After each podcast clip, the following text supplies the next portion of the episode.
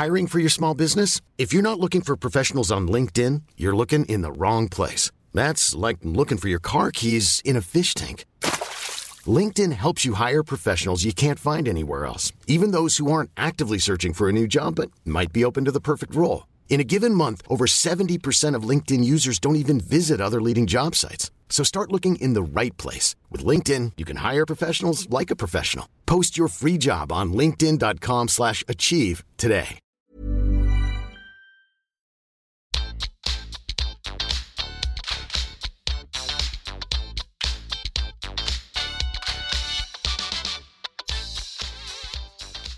Alle sammen, og velkommen tilbake til podkasten Karriereveiledning med Elaine.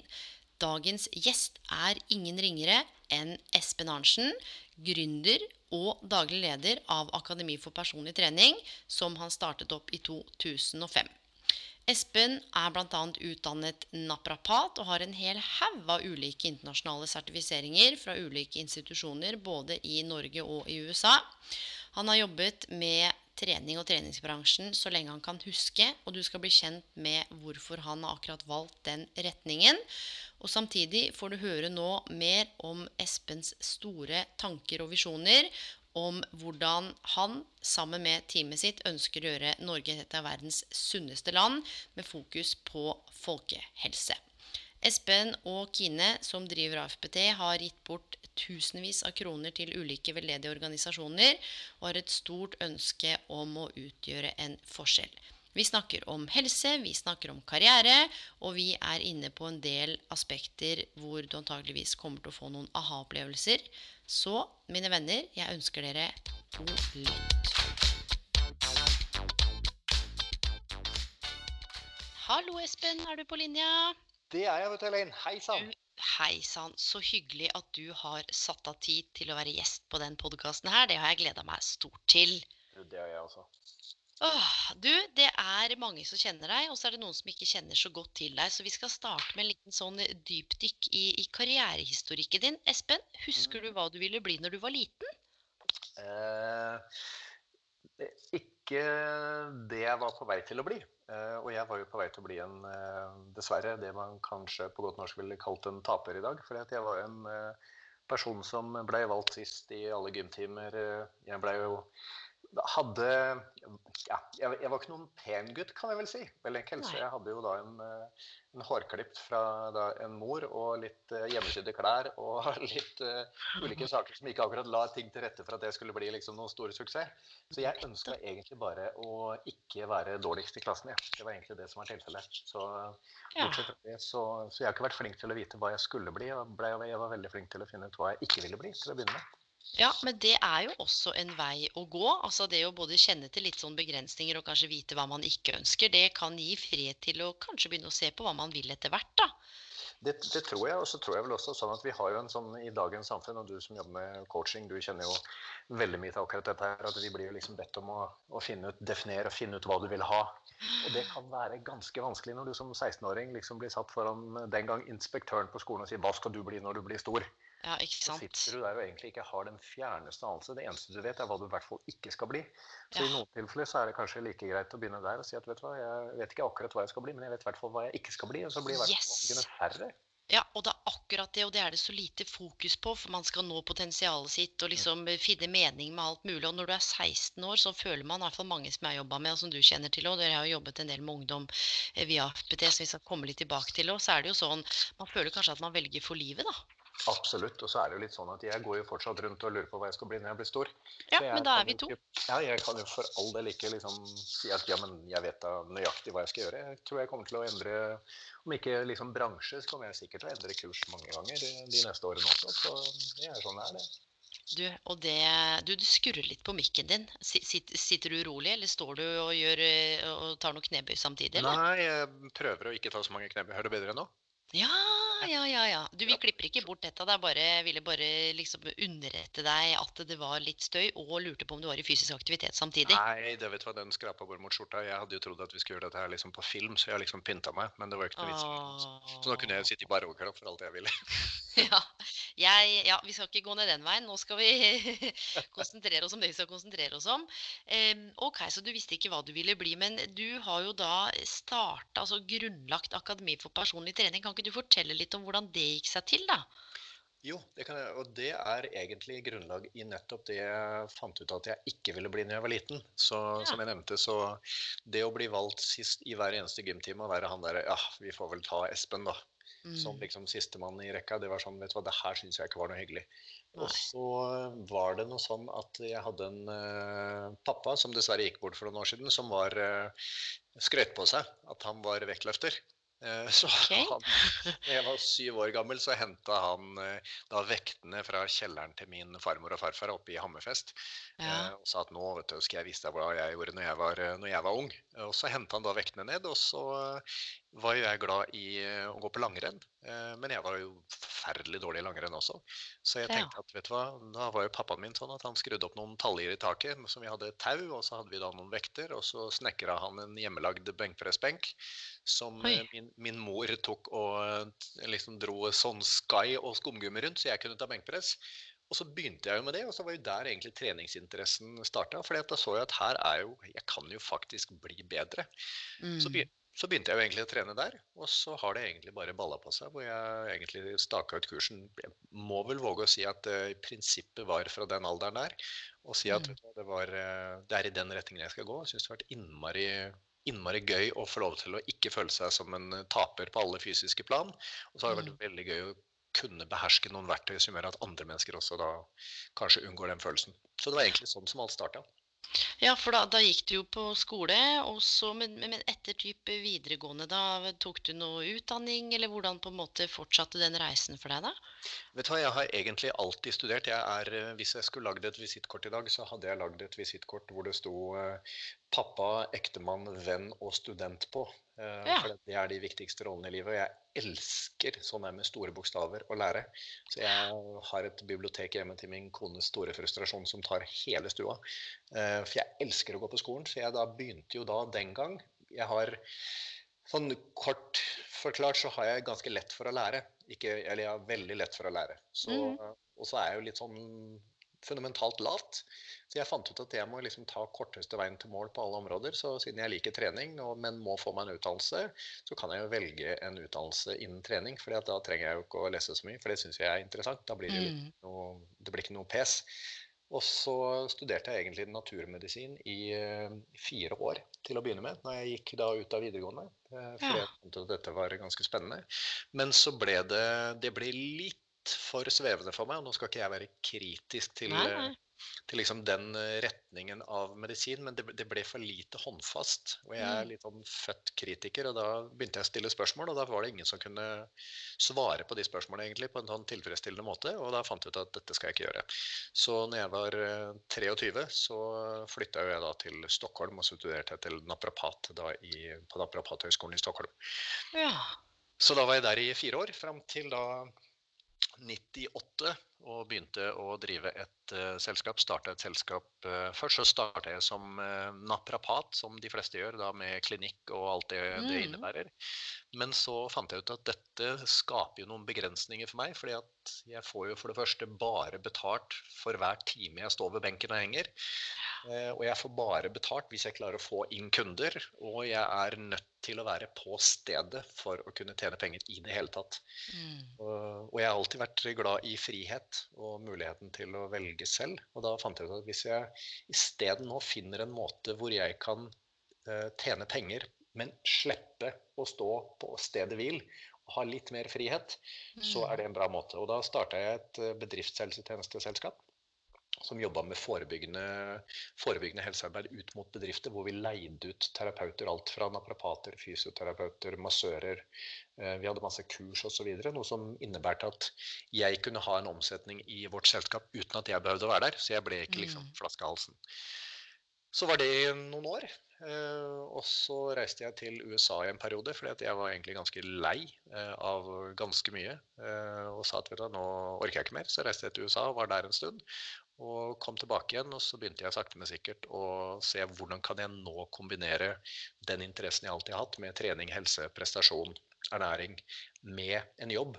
Og det var egentlig der da PT, AFPT starta i 2004 i prinsippet. Og siden det så har det vært en, en hyggelig historie. Ja, for nå snakker vi jo 2020. Mm -hmm. Det og det er 16 eh, år eh, overlevd i bransjen. Altså satt litt på spissen. Det er jo utdanninger som har kommet og gått, og AFPT har jo bestått og består enda. Absolutt. Eh, og det bringer meg litt sånn, vi hopper litt, men det bringer meg litt over til den koronasituasjonen vi er i nå, da. Mm. Eh, plutselig 12. mars så stengte jo treningssenteret, og Akademi for personlig trening utdanner jo bl.a. personlige trenere. Og det er jo mulighet for å ta masse andre kurs og, og, mye annet spennende som skjer. Hva er det du umiddelbart tenkte altså når den beskjeden kom? Ja, nå er det sånn at eh, jeg er skrudd sammen litt paranoid. Jeg tror allting skal gå gærent. Så, sånn i utgangspunktet med en ja. gang, liksom? Alltid? Alltid. Du, det er, spør, er ikke det litt slitsomt, eller er det fornuftig?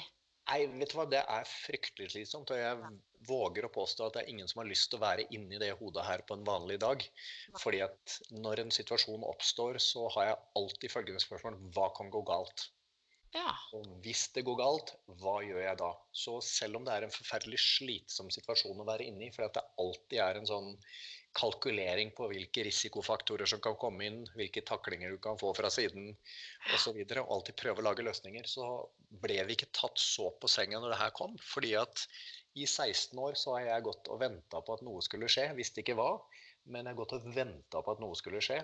Og når dette da skjedde, som var for så vidt uh, hakket mer dramatisk, og er mer dramatisk enn hva vi mm. kanskje hadde forespeila oss, så er det sånn at vi har en relativt trygg og sikker drift i bånn. At det er ikke så mange ting som egentlig kan ødelegge så mye for det, forutenom om det virkelig skulle dra ut på tid, selvfølgelig. Så vi har mm. Vi, er relativt godt dimensjonert for å tåle uh, opp- og nedturer. Litt da fordi at jeg i 16 år har brukt uh, mesteparten av tiden min på å gruble på hva som kan gå galt, og være forberedt på det.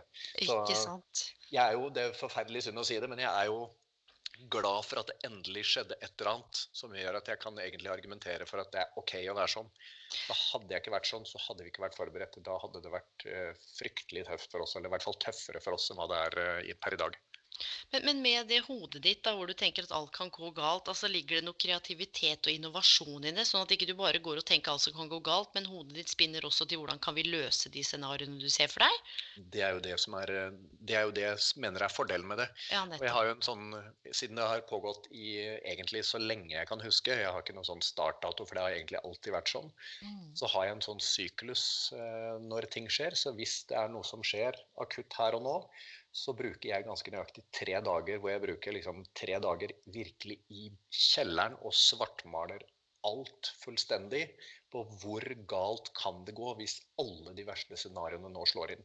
Mm. Når jeg har vært der, der, nede i kjelleren i en tre dagers tid, så begynner jeg og liksom, Da har jeg sett ok, dette er så ille som det kan gå. Mm. Og vi er så heldige at vi bor i Norge i dag. Yes. At vårt, vårt, aller verste scenario, det er en annen persons drøm. Så når man liksom lander litt og får satt det litt i perspektiv, så er det yes. sånn ok, men hvis det verste skjer, det går også helt fint.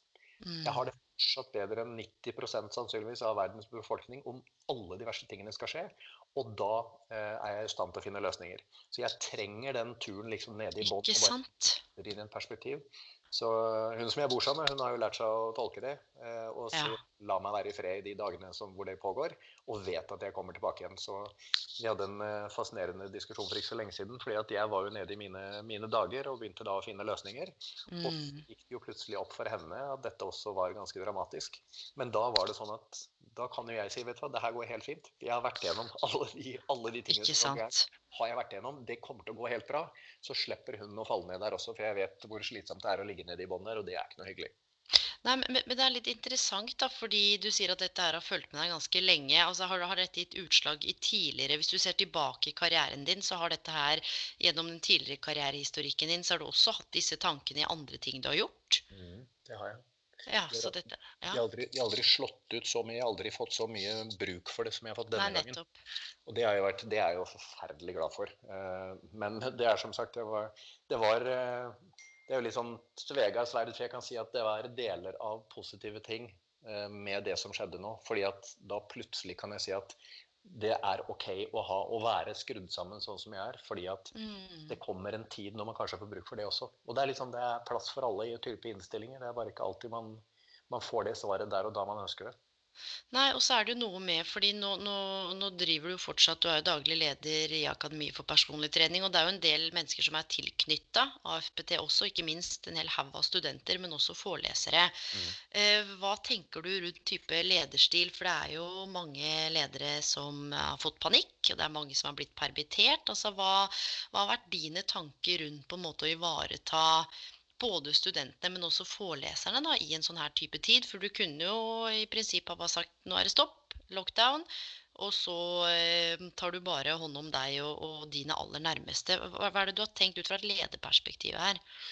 Eh, nå er det sånn at vi er jeg må jo, AFPT har, har gjort det bra i mange år, og det, det er ikke pga. meg. Jeg skulle ønske skulle, at det var veldig hyggelig å kunne si at æra var min, men det er ikke det. Det er de menneskene vi har hos oss, som er en gjeng med fantastiske nummer én fagpersoner, men enda mer gode mennesker. Det er mennesker som har gode verdier i bånn, som egentlig har blitt en sånn Det har blitt som en forlenga familie, alle sammen. Mm. Så grunnlaget og utgangspunktet for at AFPT går bra i dag, det er de menneskene som eh, har vært med så lenge, og som i prinsippet blør for oss like mye som vi gjør. Og da har det vært sånn at den verdien blir jo veldig synlig. Fordi at verdien til AFPT er jo i stor grad menneskene som er i det. Og da er det jo som du sier at når situasjonen her nå kommer, så, så har vi jo en Vi har jo et valg. Skal vi ta vare på liksom selskapet i seg? Akkurat her og nå og spare de kostnadene vi kan og liksom skjære til beinet på alt mulig. Eller, og da på kort sikt så ville jo det selvfølgelig vært det smarteste. fordi at det ville jo sikre at selskapet akkurat her og nå hadde klart seg bedre enn hva det gjør i dag. Men på lang sikt, siden verdien på selskapet er menneskene som er i det, så ville det være sånn at på lang sikt så ville menneskene sannsynligvis blitt borte. For hvis vi hadde skjært alle kostnader eh, og fjerna alle de ressursene vi i dag eh, egentlig er avhengig av for å spare penger akkurat her og nå, så kommer det en tid når dette også er over. Og da ville vi sitte der som selskap uten de ressursene. Eh, så da valgte vi isteden å si at vet du hva, vi må ivareta dette. og vi må være så trygge på at måten vi håndterer det på, og verdien vi kan skape for mennesker over tid, den gjør at vi overlever. For når vi Mm. overlever, så kommer vi tilbake med de samme menneskene, som er den styrken vi har. Så det har egentlig ikke vært noen, det har ikke vært noen tematikk rundt om vi skulle gjøre det på en annen måte. Så prio én for meg nå, det er at menneskene hos oss må ivaretas. For mennesker i Jeg mener jo at mennesker i alle settinger, det er totalt avgjørende. Og, Så Mm. vi, vi vil ivareta de på best mulig måte.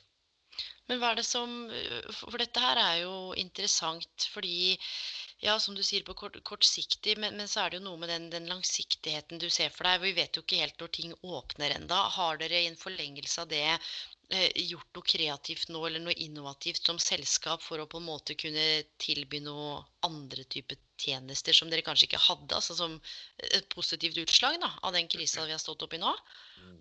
Det, det vi gjorde umiddelbart, egentlig i prinsippet den dagen det skjedde, var at vi tok all den praktiske undervisningen Ja. som eh, da egentlig leveres sånn ansikt til ansikt på treningssenter, så spilte vi inn alt det på filmer. Så vi fikk da noen av de menneskene vi har, fantastiske mennesker som stiller opp bare sånn på et blunk, og vi spilte inn 50 timer med praktiske filmer ja. filmer for å se til at de studentene som nå ble satt på hold, fikk i hvert fall deler av den undervisninga de kan. Eh, Sånn at vi da kunne se til ok, vi vet at vi har fått en sånn, liten fartsdump her og nå, men vi gjør i hvert fall så mye vi kan for at du skal få noen form for informasjon eh, Mm. og noen form for kunnskap. Det det medfører for oss over tid, er jo at vi har jo nå en bedre utdannelse enn hva vi faktisk hadde før korona. For når denne koronasituasjonen nå en gang er over, så vil jo studentene som nå kommer til oss, de vil jo også ha det som tidligere studenter ikke hadde. Så Ja. i det lange løpet så vil det jo være sånn at den, den investeringen som vi nå blir tvungen til å ta, den Mm. vil jo gynne alle studenter i evig tid etterpå. fordi at de får jo nå et bedre produkt. Og det hadde vi jo muligheten til å gjøre, fordi at vi har drifta med en relativt sunn økonomi på veien. Og vi hadde muligheten til å si vet du hva, da tar vi dette, vi tar den kostnaden nå. Mm. Uh, og det hadde vi ikke kunnet gjort hvis vi ikke da hadde vært skrudd sammen så paranoid at vi liksom var forberedt på at det skulle kunne komme noen store kostnader, og det gjorde det jo. Så vi fikk jo lagd denne, så vi ender jo da opp med, som sagt, med, med en bedre utdannelse til de kommende studenter når dette nå en gang er over. Og vi har i tillegg ivaretatt så godt vi kunne de studentene vi hadde, for de har fått mer enn hva de var lova når de, når de i prinsippet da meldte seg på utdannelsen hos oss. Og vi har samtidig da kunnet klart å skape da til de menneskene som nå har spilt inn filmene, som Ja. da kanskje ble satt i en situasjon hvor de ikke hadde noen som helst inntekt i det hele tatt, som mange faktisk var. Så vi har egentlig vunnet, eh, alle ledd har egentlig vunnet så langt.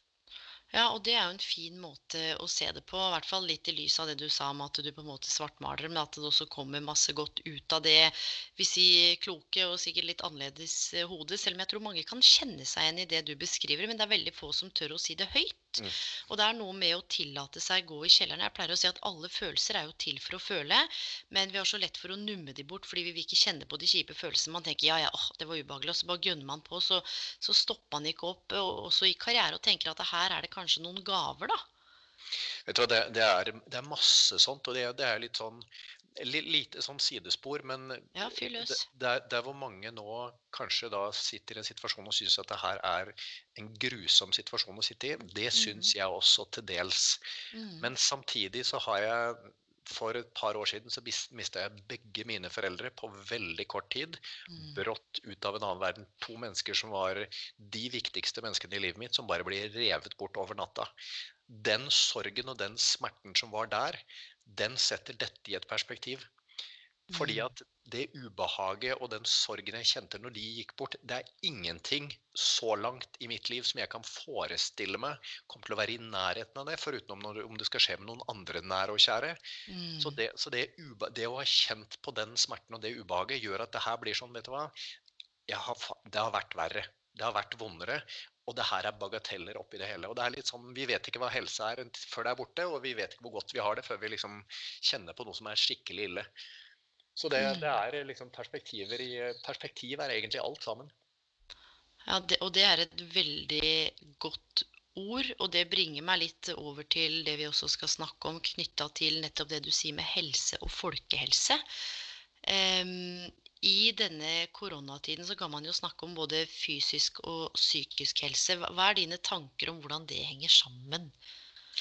Jeg, jeg tror jo i stor, Vi har jo en tendens i vår treningsbransje. Jeg våger jo å påstå at veldig mange av oss som er i treningsbransjen, jeg trekker meg i samme situasjon, vi er mer enn snittet og kanskje til dels for opptatt av prestasjon og utseende. Eh, og Det betyr ikke at det er noe galt i det, men vi er i hvert fall mer opptatt av det enn snittet. Så vi har en tendens til å se på ikke bare den, ikke den fysiske helsa, men vi ser veldig mye på det kosmetiske. Og så sier vi da at vet du hva, hvis du har en synlig sixpack eller du ser fin ut i bikini, så har du en god helse. Og det er ikke tilfellet. Eh, Jeg har vært en av de som har trodd på det. liksom at Ser man ut på en viss måte, så er man sunn. Samtidig så vet jeg i dag at det ikke er tilfellet. Så du kan se fryktelig sunn og fin ut og jage etter dette liksom kosmetiske idealet som vi alle har og fortsatt være veldig usunn. Så på ene siden, så selv om vi i treningsbransjen da, i teorien da kikker på helse som en sånn, dette er en viktig bit, så ser vi Mm. bare på en del av det som vi automatisk liksom sier at ok, men ser du sånn ut, så har du god helse. Og så glemmer vi litt den der, det som faktisk er helse, og som da for eh, idioter som meg egentlig vi har veldig godt av å høre, og det er at det er eh, hjerte- og karsystemet som faktisk er det mest avgjørende, ikke biceps og benkpress. Eh, Så vi blir tvunget til å liksom se på det. Så jeg tror at vi åpner, vi åpner øynene litt mer og mer på å se på at ok, det kosmetisk, det er hyggelig å se på en viss måte, og det er bra for selvfølelsen, og det er bra for hvor, hvis man skal på en ferietur til Ibiza og gå i bikini, osv. osv. Men så begynner man sakte, men sikkert også, når man begynner å bli voksen, som jeg nå begynner å bli, så begynner man å se på okay, men hva er det egentlig som skal til for å da opprettholde en helse? For jeg kommer ikke til å leve lenger og være lenger med mine barn og min kone fordi jeg tar mye benkpress. jeg kommer til å være det hvis jeg tar vare på alle andre aspekter. Og da begynner man å se på det andre aspektet av fysisk helse, som er faktisk det som er avgjørende. Som type da hjerte- og karsystemet, det handler litt om kroppsvekta, det handler litt om skader og skavanker som man har, som bidrar til livskvaliteten. Så jeg skifta litt fra å se på det kosmetiske, men jeg syns veldig mange henger oss bare opp i det i dag. Og så begynner jeg da med økende alder å se litt mer på hvilke andre ting som faktisk spiller en rolle. Og så tror jeg dette Jeg tror ingenting av det er verdt noen ting som helst hvis du ikke har et liv som du trives med. Så jeg tror det mentale oppi alt sammen, det er det viktigste av alt. Mm. Og derfor tror jeg da eksempelvis da i situasjoner som dette, eh, med korona, så tror jeg ikke at Helsa er ikke det mest avgjørende, men det er frustrasjonen, stresset, usikkerheten, uvissheten om hva fremtiden vil bringe seg, som faktisk er den største utfordringen med korona. For går vi opp fem kilo nå, det kan vi gå ned igjen. Men hvis du mm. skaper liksom en sånn stressituasjon der du mentalt ikke liksom er trygg på hvordan fremtiden skal se ut, så tror jeg det er fryktelig mye verre. Så ja, korona er jo ikke noe heldig for fysisk aktivitetsnivå generelt sett, men det er, det er, ikke der det store problemet ligger. I tillegg er det sånn at tar du en joggetur i dag, så møter du 50 mennesker i skogen, og før møtte du 10. ja. Det er ikke sikkert vi er så mye mindre aktive allikevel. Nei, men du har et veldig interessant aspekt, fordi livshjulet er typisk sånn at alt henger jo sammen med alt. Hvis du, hvis du ser på de ulike arenaene i livet, karriere, økonomi, psykisk helse, fysisk helse, personlig utvikling, nære relasjoner, og, og som du sier da, med med psykisk helse eller det mentale, hvordan det kanskje påvirker opplevelsen av karriere, opplevelsen av økonomi, opplevelsen av egen helse. Mm. Eh, og litt av det du sier i forhold til treningsbransjen, litt sånn satt på spissen, hvor det kosmetiske på en måte har vært veldig på trappene. Hva er det som gjør, bortsett fra alderen din, da, ser du at det er noen trender i samfunnet som er i ferd med å snu også, eller er det noe du kjenner at dette er noe AFPT har lyst til å ta tak i? Eller eh, hvordan kan man på en måte, for det er veldig stort fokus på kroppspress om dagen. Mm. Um, hvordan kan man få inn noe Hvordan skal en 16-åring tenke på hjerte og kar? altså Forstå litt hva jeg mener? Eller hvordan skal ja, ja, ja. man tørre å gå inn på treningssenter uten å ha på den feteste tightsen, de feteste skoene, ha den flotteste sprettrumpa? altså Bare det å være OK in your own skin, da. Hvordan, hvordan kan vi få til det som samfunn? For én ting er på individnivå, men det er også noe strukturelt her i forhold til blader og influensere. Og, og, nå sier jeg ikke at det er noe med alle influensere, men hvordan skal vi komme dit at fokuset vris mot folkehelse og det du beskriver, og ikke bare hvordan vi ser ut? Mm. Jeg tror jo at det å snakke til en 16-åring eh, eller en 20-åring i dag om at vet du hva, det er viktig å ta vare på hjertet, fordi at da lever du lenge, det er eh, de ordene de setter seg ikke. De hadde ikke satt seg på meg som 20-åring, eh, og de setter seg ikke på den normale, vanlige 20-åringen i dag heller, fordi det er så langt frem. Mm. Og så det som, det som, skjer nå, liksom Jeg er jo som sagt 48 år, og i teorien så er jo jeg halvveis. Selv om jeg har sagt jeg skal bli 100, så er det et par år til. Men det er, det er noe sånn at man begynner liksom å se at ok, men nå begynner faktisk helse å spille en rolle. Så sakte, men sikkert fra man da er ung til man blir eldre, så begynner man å se på hva er det egentlig som spiller en rolle oppi det hele her. Så det er liksom den ene tingen, at man får det. Det kommer med økende alder. og jeg tror ikke på at vi kan ta en 20-åring i dag og si at hva, du må bare glemme hvordan du ser ut i bikini og fokusere på hjertet, for det er det som gjør at du lever lenge. Det tror jeg ikke virker. Det tror jeg er en utopi. Selv om det allikevel bør sies. Men jeg tror ikke man skal ta for god fisk at det faktisk setter seg og blir gjort noe med. Det jeg har sett over tid, er jo at det har blitt et voldsomt fokus på prestasjon. Dvs. Si, det har ikke bare vært utseende. Det har også vært litt, sånn, litt prestasjonsbasert. Og det tror jeg kanskje eksempelvis tar da med med crossfit-kulturen. fordi at det handler ikke lenger bare om, bare om, hvordan du ser ut. fordi at nå blir du målt på ulike ting også. Du blir målt på hvor mange burpees du tar, og hvor mange um, frivendinger du tar, og hvor mange pushups og hvor mange hangups og hvor sterk du er osv. Så, videre. så vi har fått et litt sånn skifte nå inn mot prestasjon. Vi får litt mindre på sånn generelt sett. Jeg sier overhodet ikke at det er borte, men litt mindre på det rent kosmetiske. Og mm. litt mer inn på mer sånn fysiske prestasjonselementer da, av ulike sorter. På grunn av da det vi kjenner som functional fitness, crossfit osv. osv. Mm. Og så begynner jo folk nå sakte, men sikkert eh, å se mer og mer på folkehelse. Og jeg, det er ikke frivillig, tror jeg. Fordi at i dag så ser vi på utviklingen hvordan det er. Vi kan ikke lenger lukke øynene. Og det samme er det med miljøet. Vi kan ikke lenger si at det spiller ingen rolle hva vi gjør. For hvis vi ser på utviklingen da eksempelvis på barn og overvekt og fedme, så selv om det finnes noen undersøkelser som sier at vet du hva, det går ikke bare oppover, så er tendensen, og det er den jeg bryr meg om, over tid så er den tendensen stigende. Barn blir tyngre og mer overvektige. Voksne blir tyngre og mer overvektige. For søren, det er jo sånn at tre av fire menn i min alder er jo overvektige. 75 det er jo katastrofale tall. Og da er det sånn at det er ikke frivillig, men vi kan ikke la være å se på folkehelse. Fordi at det liksom treffer oss midt i fleisen til enhver tid. Og det gjorde det ikke for 30 eh, år siden. Når jeg gikk i første klasse på barneskolen, så hadde vi én overvektig gutt i klassen. Mm. Jeg husker navnet hans. Han var overvektig fra første klasse til, på barneskolen til tredje klasse på videregående. og siden jeg har ikke sett ham. Men det var én person. I dag så er det nesten mer normalt eh, å være overvektig og ikke være det. Så vi, vi, får det midt i ansiktet hele tiden. Og da må vi liksom løfte blikket og si at hva er det egentlig som foregår? Så da har fokuset blitt dreid inn på folkehelse i veldig mye større grad, selv om det ikke er helt frivillig. Eh, og for oss som da utdannelsesinstans, når vi starta i 2004, så var jo Litt sånn flåsete sagt så var jo personlig trening i 2004 det var jo for mennesker som var veltrente, som ville bli litt mer. Ja.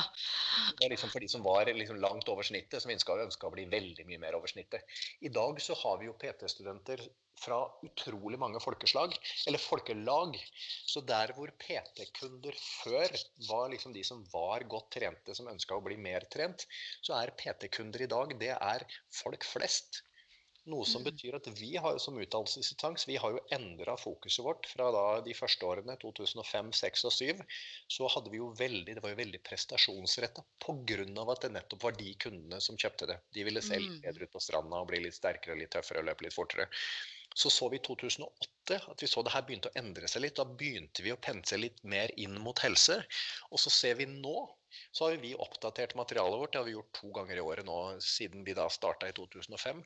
I år gjør vi en kjempestor oppdatering av alt, og så skifter vi fokuset helt inn mot folkehelse i veldig mye større grad enn vi har gjort tidligere. Og legger et mye større fokus på kildekritikk. Dvs. Si, hvor er du faktisk du får mm. informasjonen din fra? Så hvorfor er PT og treningsbransjen viktig i et folkehelseperspektiv? Og du må være forsiktig med hvor du får informasjonen din fra, fordi at det finnes så mye rart som foregår der ute. Ja, og det er akkurat det. Nå er du inne på noe som jeg tror jeg brenner for eh, sånn generelt innenfor karriere også. E, egentlig innenfor alle fagfelt og alt vi hører og leser og ser. For det er jo så innmari mye informasjon der rundt ute. Altså evnen til å tenke kritisk. Og, det, og kildekritikk er jo noe man faktisk må lære seg.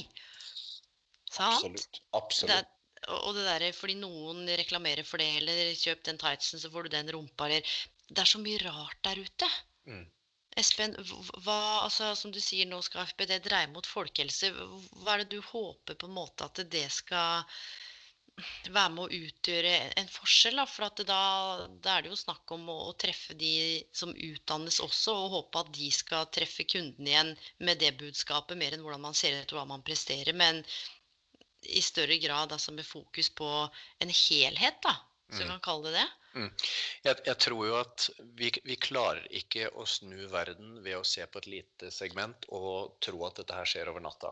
Så man er nødt til å ta et langsiktig eller jeg tror at man er nødt til å ta et langsiktig perspektiv på å si at vi må bare skape en liten kursendring.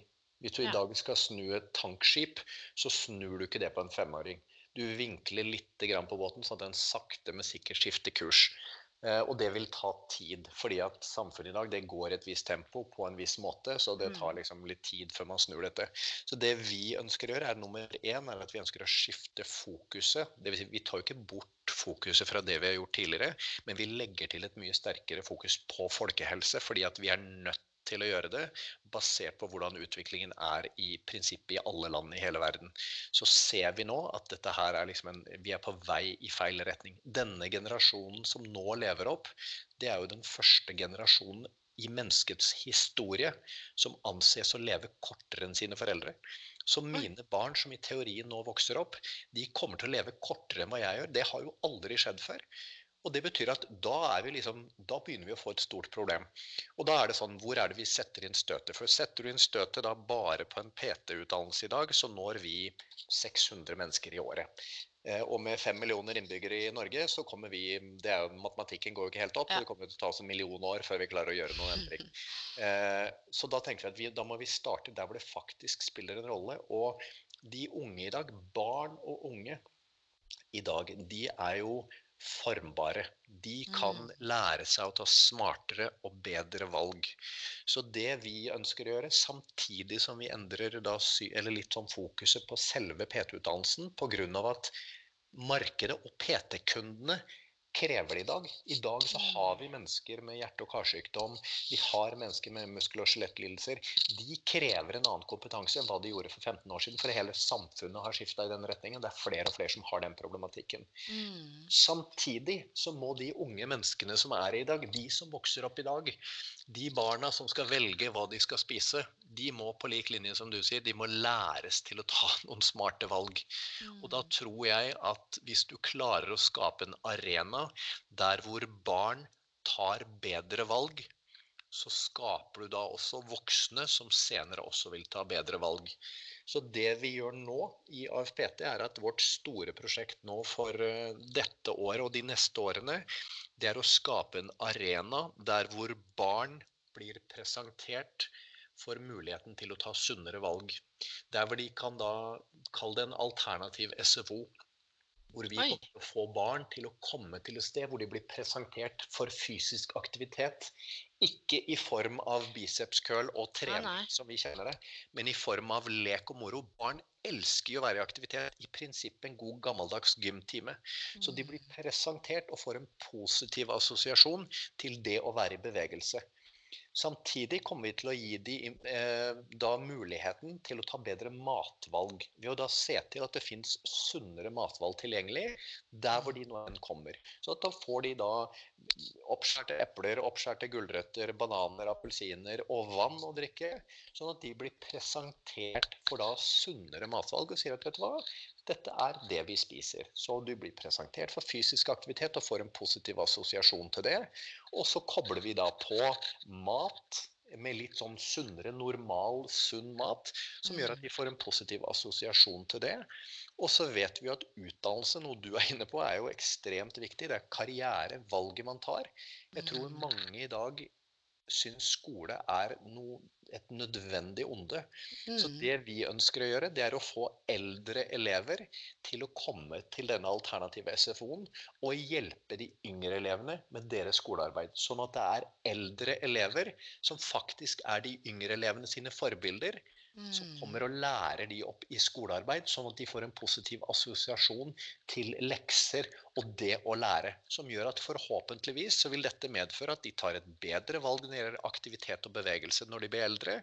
De tar litt sunnere matvalg, og de lærer seg til å gjøre og legge ned en arbeidsinnsats på lekser og skoler som gjør at karrierevalgene kanskje blir enklere for de seinere. Fordi at i dag så Jeg har jo to barn selv som går da på én i barnehage og én på skole. Mm. Det er så mye, og jeg forstår liksom ressursmangelen blant lærere på SFO osv. Men jeg tror det er så veldig mye å gjøre. Og siden vi nå kan sette i gang et sånt prosjekt og finansiere det selv, og se til at vi får gjort det på den måten som vi tror vi kan bidra, så vi, da trenger jo ikke vi å sitte og vente på noen andre. Nei, det, der sa du det. For jeg tror noen, eller mange har jo mange tanker og ideer, men det er veldig lang vei fra tanke til handling. Hva er det som gjør at den Jeg hører at du er engasjert når du snakker, men hva er det som gjør at, eh, at den hos deg, da, at det er kortere vei fra tanke til handling enn hos mange? Det er, eh, det kalles, det er to ord. Det er Emma og Noah. Det er mine to små barn. Eh, ja. Og jeg har vært en person basert på da Tilbake til det jeg innleda alt sammen med, at jeg hadde ikke lyst til å være den som ble valgt sist i gymtimen. Så ble jo jeg en person som gjorde ganske mange ting for meg eh, på veien og sa at vet du hva, jeg skal gjøre dette for meg, for jeg skal ikke bli valgt sist i gymtimen, og jeg skal få lov til å styre min økonomi, og jeg skal få styre min hverdag. Så blir man det i prinsippet. Og jeg fikk en kommentar fra en eh, person jeg har møtt for mange år siden, som jeg ikke husker, som kom ja. til meg og sa det med et smil om munnen og sa du var en drittsekk, du, sa. Jeg ba, Ok, Det var en direkte tilbakemelding. Han ba ja, Oi. men, la meg forklare det. Du virka, du var lite ydmyk. Det var veldig lite åpning for å lytte på andre mennesker. Eh, men jeg må bare si det, og grunnen til at jeg sier det, sa, er at jeg, du har endra deg. Og det er hyggelig å se. Og da fikk jeg en sånn hm, ja, det har jeg gjort. Fordi at Mm. der vi har gått fra å være en person som egentlig syntes at jeg var det viktigste i hele verden, og jeg gjorde det aller meste for meg, så Mm. ble det jo sånn sakte, men sikkert at man begynner jo å se verdien av menneskene rundt deg og sier at vet du hva, jeg er ikke verdt så veldig mye på egen hånd. Så det er menneskene rundt meg og miljøet jeg henger i, som faktisk gjør Man får jo hverandre til å prestere bedre. Og da er det sånn at sakte, men sikkert så kommer jeg til det liksom, oppfatningen av at det er ikke jeg som har gjort AFPT bra. Det er det at jeg har vært på en viss måte som har gjort at jeg har tiltrukket meg bra mennesker, og kombinert så har vi gjort dette bra. Og så Mm. spoler vi da fram til 2013. Og så blir jo jeg da mm, Jeg var jo 42 år når min datter ble født, og trodde jo jeg da selvfølgelig hadde alt på stell. Fordi at jeg hadde jo lest bøker og hadde Ja, ja. to år å forberede meg, og liksom hele balletten var klar, så jeg visste jo nøyaktig hvordan dette skulle gjøres, med mat og legging og osv. Og så får jeg henne i fanget og sier jeg bare Hva flate gjør jeg nå? Og da Mm. husker jeg vente meg til av min kone som har en datter fra før, så jeg, hva, hva, hva gjør jeg nå? For jeg var helt sånn sjokkert over hvor utrolig tafatt og hvor hjelpeløs jeg følte meg. Og da husker jeg hun sa til meg at vet du hva, vi gjør så godt vi kan. Jeg Mm. bare, ja, det var så bra sagt. Men for meg så er det sånn så godt vi kan, nå, det er jo ikke målbart. Da tenkte jeg, vi må, vi må lage noen form for filosofi rundt dette. her. Hvordan, hvordan kan vi måle at vi gjør så godt vi kan, og at vi får faktisk et resultat? Jeg er jo en person som du som jobber med coaching, vet jeg at du har disse som drives fra noen ting, og de som drives til noen ting. Mm. Jeg drives jo til noe, så jeg må ha ok, gi meg en eller annen sånn gullgruve i enden av regnbuen, så skal jeg gå dit. Og da ble vi enige om å lage filosofien om at vi skal lage våre barn til barn som andre mennesker liker.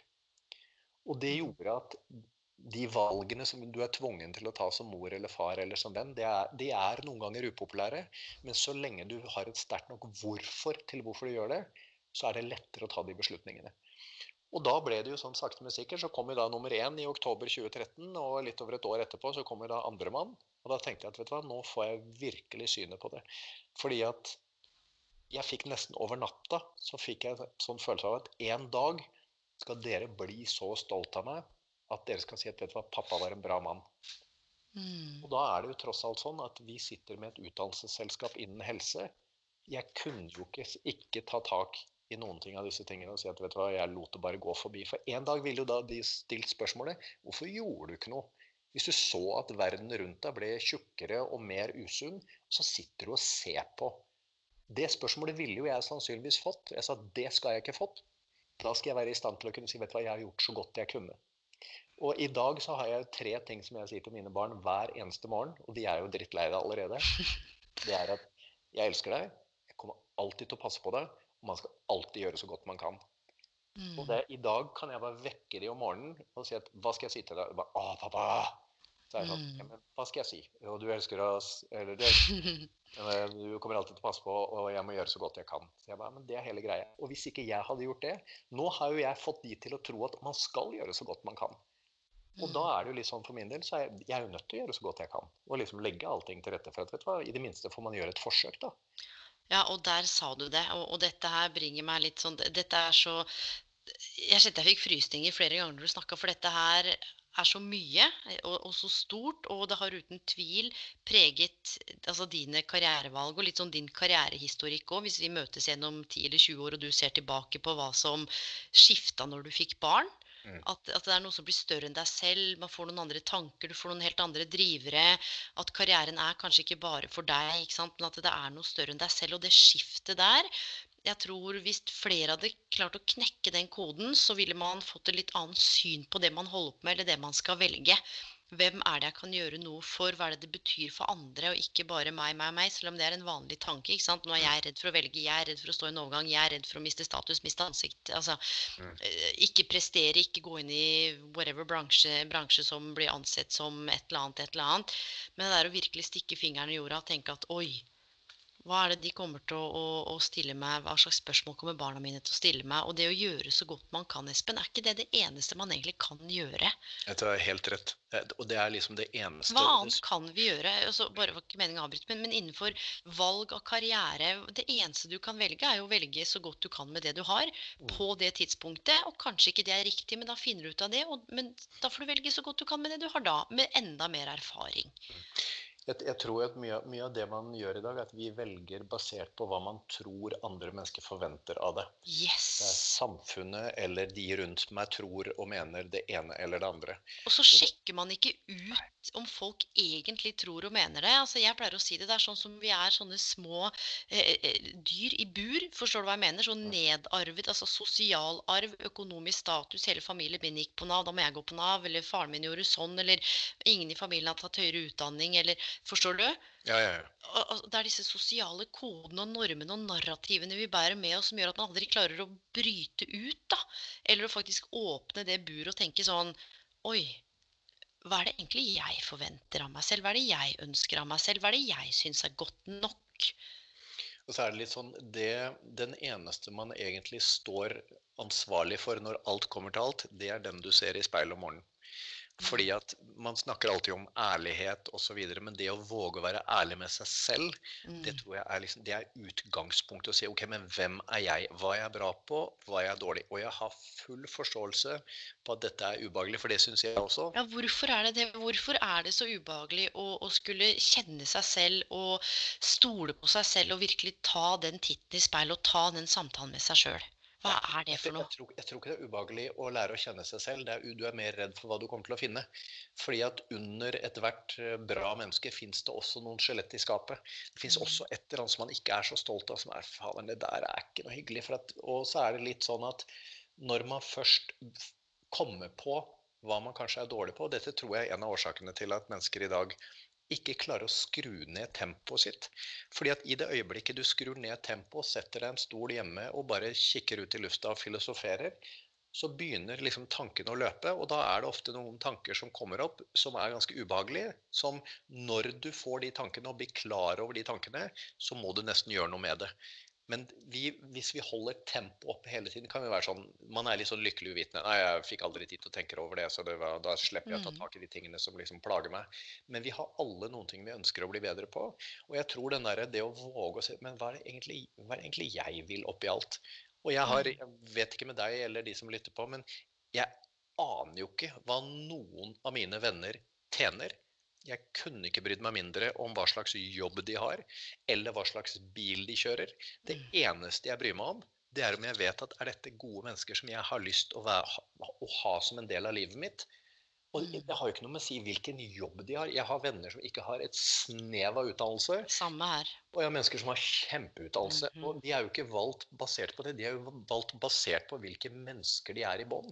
Mm. Og der tror jeg vi i dag så har vi fått sånn innmari fokus på liksom alt som er på utsiden. Hva slags bil kjører du, hva slags klær går du med, hvordan ser kroppen din ut, hvor mye mm. penger har du på Hva jobber du med? Ja, hva jobber du med? Hvor ofte har du liksom Hvis du møter noen for første gang på en fest eller et bryllup, hvor ofte har du stilt spørsmålet hva er det beste du vet i hele livet? Eller hva er favorittfargen din? Eller fortell meg om en ting som gjør deg glad, eller når gjorde noen andre deg glad? Nei, vi mm. spør da hva jobber du med? Mm. Mye tjener du? Hvordan er det i din bransje? Hvorfor det? Jo, fordi det er objektivt, det er ikke subjektivt. Og så lenge vi kan liksom ta det objektive, så er det liksom ingens feil. Men i det øyeblikket vi graver i det subjektive, så handler det om mennesker. Og der tror jeg mennesker er livredd for å både liksom se på seg selv med litt sånn kritiske øyne, og samtidig da liksom gjøre noe med det. Jeg, jeg tror jo så inderlig på at gode venner, det er de som forteller deg det du trenger å høre, ikke det du vil høre. Og det, det, er liksom Jeg vet ikke hvor mange ganger jeg har sagt den setningen. Det er som de som forteller deg akkurat det du trenger å høre, ikke det du har lyst til å høre. For noen ganger så sannheten, den svir ordentlig. Mm. Mm. Men det er jo de du trenger for å bli bedre. fordi at hvis alt hadde vært fint og flott, så hadde man jo liksom vært perfekt. Og det tror jeg dessverre ingen er. Så jeg, vi trenger liksom de menneskene som stiller noen spørsmål, og som gir litt motstand. Og, ja, vi hadde besøk av en bekjent av oss her i går. Ja. Så kom han og spurte liksom, ja, hvordan har du det. Han bare vet du hva, jeg er lykkelig. Jeg ba, ja, det var, det var, hyggelig å høre, for det hører man så sjelden i dag. Når du spør dem hvordan har du det. Det er sånn, ja, det er greit. Ja. Kaos, stress, du veit, bla, bla, bla. Ja. Og han, sa, vet du hva, jeg er lykkelig. Så var jeg sånn, hvor, hvor, hvorfor det? Han ba, ja, men hun jeg er sammen med, hun er en bra dame. Ok, forklar det. Han ba, hun gir meg litt motstand. Hun gir meg litt sunn motstand. Hun stiller noen spørsmål som gjør at jeg er nødt til å anstrenge meg for å bli litt bedre. Og det har jeg bare godt av. Og det syns jeg var så innmari bra sagt. En person som egentlig bare omfavner ikke kritikk, men konstruktive tilbakemeldinger for at hun som han der sammen med, vil jo bare at han skal være den beste versjonen av seg sjøl. Så det Mm. syns jeg var så innmari hyggelig å høre. Og jeg tror mye ligger, ligger på akkurat det. At vi velger da, som sagt, basert på hva vi tror alle andre egentlig vil at vi skal gjøre. Ja, og det er jo noe med å lære å stole på seg sjøl, og det har jeg sagt mange ganger i tidligere podkaster og når jeg er ute og holder foredrag òg, så det derre kunsten å stole på seg selv, at det nesten, og nå generaliserer, har blitt litt sånn borte. Altså at man søker til eksperter, og, og, og hør nå, det er ikke noe galt å gå til psykolog, karriereleder, personlig trener, altså hva, hva enn man oppsøker av eksperter, men det er også noe med å trene på å orientere seg innover, og som vi snakker om, bli kjent med seg sjøl. Hvis du ser på folkehelse eller helse da, og, og karriere, Tenker du at det er en sammenheng med status på helse, og ikke status på karriere, men hvordan man håndterer hverdagen og stress og, og karriere generelt? Ja, jeg, vet du hva, jeg, jeg tror det er en, eh, dessverre en stor sammenheng. og Nå håper jeg jo at jeg tar feil, men jeg tror vi kommer til å se et større og større skille i Mm. samfunnet mellom de som tar vare på helsen sin, og de som ikke gjør det. Mellom de som har eh, kontroll på økonomien sin, og de som ikke har det. Mellom de som eh, i prinsippet forholder seg til regler, og de som ikke gjør det. Eh, så jeg, og mellom de som velger å ta karriere og ta seg en utdannelse, og de som ikke gjør det. Så jeg tror vi kommer til å ha sånn et stort skille mellom de to. og det er jo sånn, Ser man på studier som er gjort, selv om man kan alltid stille spørsmål på hvor faktabaserte de kan være, så er det noe sånn at vi ser jo at jo lavere utdannelse du har, jo større sannsynlighet er det for at du har noen kilo ekstra å bære på. Så det er ingen tvil om at det er noen forskjeller. Og jeg tror jo på følgende ting. Hvis jeg i dag vasker bilen min, Mm. og tar den ut av liksom, oppkjørselen, så kjører jeg rundt den første vanndammen jeg ser. For at jeg vil ikke grise til bilen min, for den har jeg faktisk skikkelig shina. Så når jeg kjører rundt i en bil som er nyvaska og fin, så unngår jeg de verste sølepyttene. Det er i hvert fall sånn jeg tenker. Og Mm. i det øyeblikket jeg lar bilen min bli møkkete, og den blir rotete inne, og det ligger ispapir og boller fra skjell, så er det sånn eh, Det er så møkkete likevel at det her spiller ingen rolle om jeg kjører i den sølepytten også. Og jeg tror det har mye av det samme når det gjelder da helse. Hvis du virkelig tar vare på deg, så sier du vet du hva, jeg er viktig. Jeg spiser sunt fordi at jeg har lyst til å liksom I prinsippet, for det litt flåste, min kropp er mitt tempel, men jeg vil ta vare på det jeg nå har fått. Eh, Jeg har lyst til å føle meg bra, jeg har lyst til å se bra ut. Så tror jeg det også smitter over på at men da tar jeg noen bedre valg, også innen karriere. Du er litt mer selektiv kanskje med vennene dine. Du er kanskje litt mer selektiv på pengebruk. Du er litt selektiv på ditt eget språk osv. Så, videre. så jeg tror alle de tingene smitter over på hverandre, hvor man liksom skaper en god tendens. Og derfor tror jeg at mennesker som da tar gode karrierevalg, tror jeg også sannsynligvis tar bedre helsevalg. Og motsatt. Har du bedre helsevalg, så tror jeg også du sannsynligvis tar bedre karrierevalg.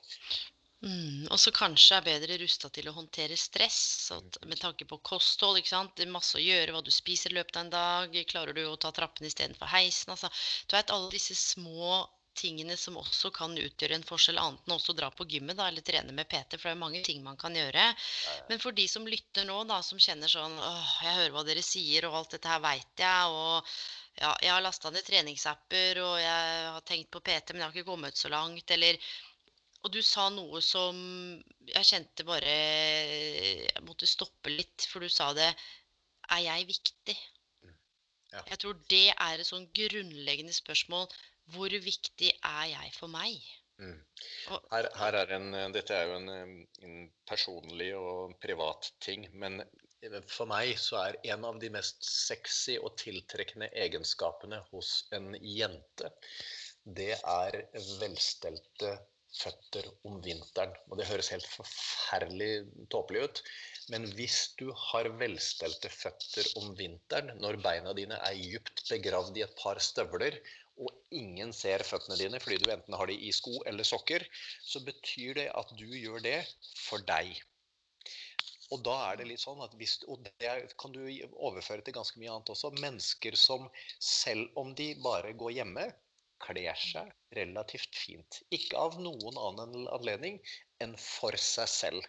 Det er mennesker som tar valg, som spiser, tar og spiser ting som de vet at dette, dette er bra for meg. Det syns jeg er en ekstremt tiltrekkende egenskap. Fordi at det viser at du faktisk syns at du er viktig. Og det tror jeg er så utrolig avgjørende at et sted så må mennesker finne ut at faen, jeg spiller en rolle, jeg er mm. viktig. Og da mm. er det noen ting man skal gjøre bare for seg. Og hva det nå enn er, det er liksom opp til den enkelte. Noen sminker seg, og noen farger håret, og noen kjøper fine klær, og noen kjører fin bil, og noen tar seg utdannelse. Men jeg er viktig. Og der tror jeg vi bommer, for det er ingen som tør å si det. Det er litt sånn som janteloven. Du skal ikke ja, ja, ja, tro at du er den. Faen, alle er jo noe. Det er jo kjempeviktig. Det er jo ja, dødsfullt. Det er jo ingen som deg. Det, nei, og det er akkurat dette, hvis du ser på helse og karriere, da. Når vi blir viktige nok for oss selv, så tar vi også mest sannsynligvis bedre valg for oss selv. Og det er ikke alltid at de valgene viser seg å være de riktige, i hermetegn, for hva er det som egentlig er riktig, hvem veit det? Men det er noe med å tørre å jeg kjenner at man er viktig. altså alle, Espen, jeg har jo jobba med eh, over 20 000 mennesker, og du har jo møtt gud veit hvor mange mennesker du òg. Alle, eller de fleste, med mindre man det er liksom noe som er helt off, har noe ved seg. De fleste har noe som verden trenger. Mm. Om det er en sangstemme, eller om det er å strikke, hekle, jeg vet ikke, montere skuffer. Eh, få andre til å føle seg bra, hva veit jeg. Men, og jeg og du som har truffet masse, masse personlige trenere og masse kunder og, og mye av det vi jobba med alle har jo noe, men det gjelder å finne det. Og jeg tror, jeg tror, det er vanskelig å finne det hvis man ikke opplever at man er viktig, for da gidder man jo ikke lete. Nei, det er jo en ting. En annen ting er at man må også være i stand til å våge å si det. Og si at vet du hva, jeg er viktig.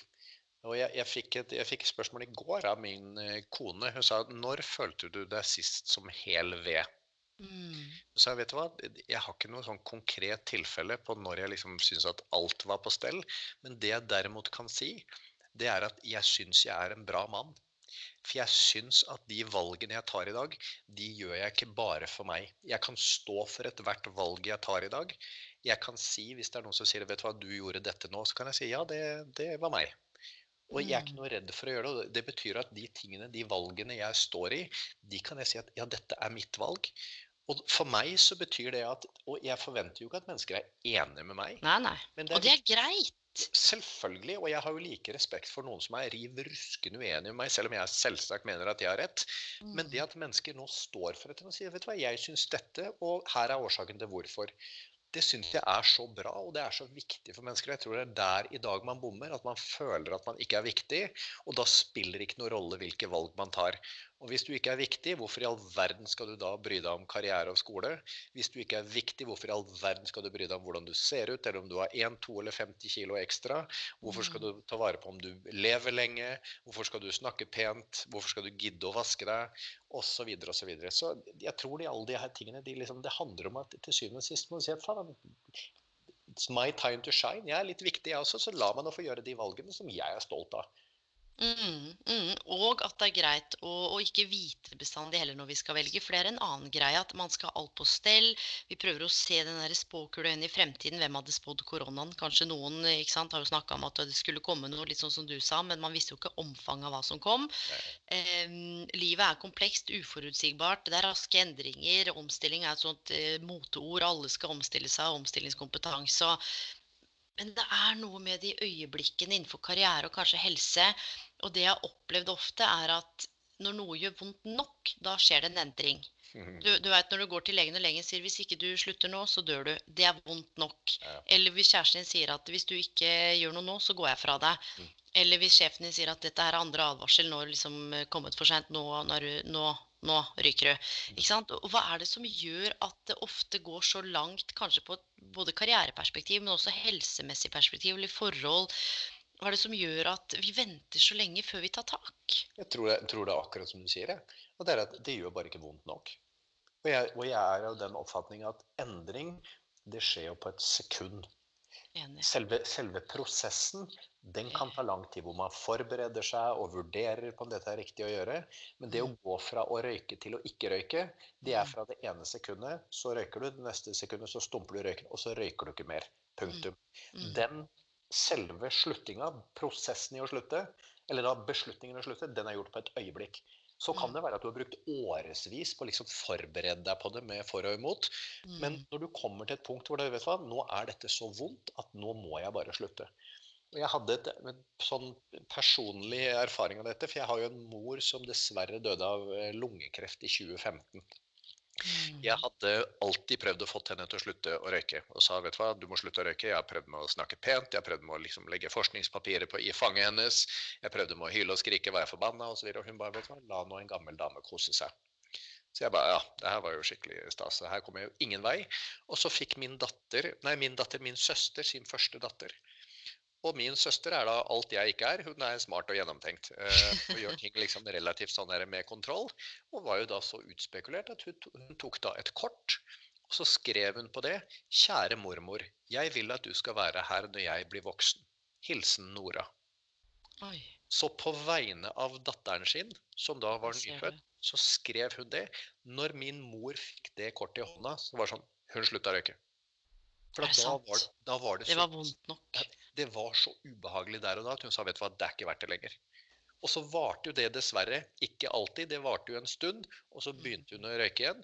Men det var så typisk. for Jeg husker jeg brukte jo da 30 år av mitt liv Ja. være forbanna på at hun røyker. Hun måtte jo skjønne at det å røyke var usunt. Mm. Men det var ikke vondt nok. Det var ikke vondt nok at guttungen sto og skreik til henne. Det var sånn, Hun brydde seg ikke. Og Mm. så kommer da det kortet, og så var det plutselig vondt nok. Da var det sånn Oi da. Det er ganske. Ja. Det var en sånn, ja, Da gjør det vondt nok. Og det, har liksom, det bekrefter seg jo gang på gang på gang. på gang. og Det er jo samme når man da i prinsippet begynner å finne ut at nå må jeg gå ned i vekt. Det er når beltet liksom, du ikke når det ytterste hølet lenger. Det er sånn, Nå er det F nok. Nå gidder jeg ikke mer. Da får du den derre Nå er det på tide. Nå gjør jeg noe. Og jeg tror vi må komme dit, ja. Så i noen tilfeller så er det jo Det her er jo du spesialist på. Det er jo Du må jo få situasjonen til å bli så ubehagelig at folk sier at det der, det vil jeg ikke ha. Nei, og det er, det er eh, Ja, det her gjelder igjen på alle områder i livet òg. Altså alt fra økonomi til Og så er det noe med å liksom skulle bare stoppa litt før. Før man kom dit, så ikke veien tilbake kanskje blei så lang. Jeg ser jo spesielt på ungdom. Du nevnte jo bl.a. Eh, SFO og så unge voksne jobbet mye med dropouts. Altså, eh, ikke sant? Hva kunne man gjort for at veien ikke skulle bli like lang? Mm. At, at, at det gikk, ikke, jeg vil ikke si gærent, men at man havna så på utsiden at den reisen tilbake virker nesten helt uoverkommelig, da. Det, Men- det, men- det, det er jo det som, blir det, det som blir det vanskeligere. og det er jo Eksempelvis med overvekt, så kommer du til et punkt Og jeg, jeg har jo stilt spørsmålet til mange som jeg har eh, møtt på veien som har vært overvektige, og sagt at når er det liksom du ga opp? For at et sted så kommer de liksom til et punkt hvor det er sånn, vet du hva, nå har jeg, vi har en kunde av oss som da er en meget reflektert mann, som sa at vet du hva, jeg har ikke sett tissen min på mange år. jeg. Det har liksom hengt, det har hengt under magen. Så jeg sa, "N- når ga du opp? Han bare, nei, men når jeg ikke hadde sett tissen min på et halvt år, så spilte det ingen rolle. Jeg husker ikke hvordan den så ut, så da var det ikke ubehagelig. Så om jeg gikk opp 1, 2 eller 10 kilo til, spilte jo ikke noen rolle. Og da, det er den derre, når liksom, når blir det ille nok til at man faktisk tar tak i det? Og dessverre så har man kommet litt for langt når man kommer dit og sier, æh, nå er det for sent allikevel, så nå driter jeg i det. Og der sa du det. Der sa du det. Og se på den koronakrisen nå. Folk er 50-60 år, permittert, nedbemanna, tenker åh, det er ikke noe vits, jeg er for gammel. Eller man mangler utdanning. åh, nei, jeg kommer ikke inn der fordi nå må man ha utdanning. Nei, det går ikke fordi det er så mye konkurranse. Så sammen med det vi snakka om i stad, må være viktig, som er et sånn helt sentralt poeng, å finne tilbake hva er det som gjør Altså det er å være viktig for seg sjøl. Og nummer to er, så du sa nå, når er det du ga opp, eller når er det du bestemte deg for å gi opp? Mm.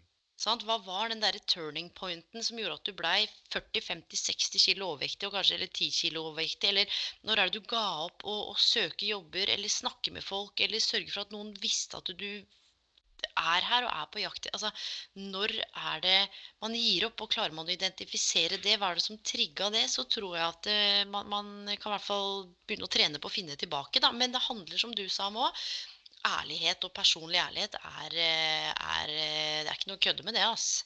Nei, så er det, hvis du ikke er vant til å ha det, for det er jo ikke noe tvil om at det er jo mange som vokser opp i miljøer og omgivelser som gjør at du får ikke lov til å synes at du er noe. Du er i prinsippet en person som da skal gjøre som alle andre mennesker sier, og du har blitt eh, underkua og snakka til på en viss måte av mennesker rundt deg, og du tror Mm. at «Nei, jeg er ikke verdt noe, jeg. Så det er jo veldig lett å sitte på andre siden for da mennesker som er litt sånn høye på seg sjøl og sier at vet du hva, jeg er viktig. Og så har du Mm. et menneske som da i 30-40-50 år av livet sitt har liksom vært den personen som aldri har blitt lytta til, som aldri har fått lov til å føle seg viktig, som aldri hørt at det faktisk var noe som var lov å gjøre. Så det er ikke Mm. bare å snu på det, men jeg tror at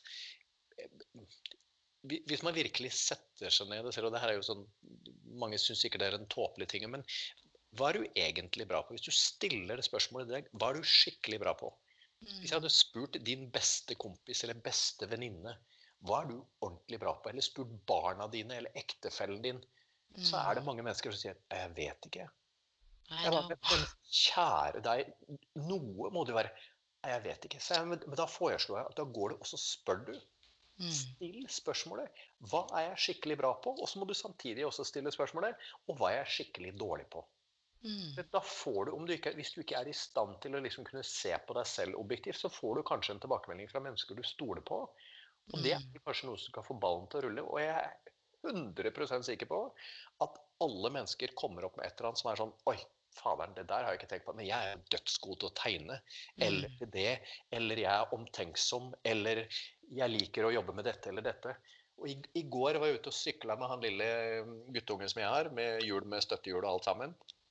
Og så sykler vi på skolen eh, på veien tilbake, som er liksom ti meter unna der vi bor. Og på, der står det to unge gutter på tolv år som da roper Hei, dere, dere har dere lyst til å komme og se på leker?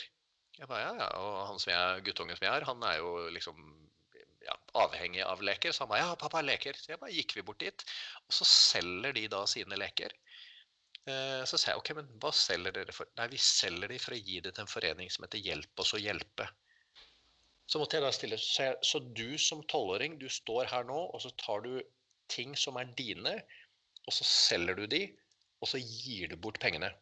Han ba ja, og så kikka han på meg som om dette var noe galt. Mm. Så jeg ba Vet du hva, jeg er så glad for at det fortsatt fins noen som deg igjen. For hvis alle tolvåringer hadde vært sånn, så hadde Ja. verden blitt et innmari bra sted.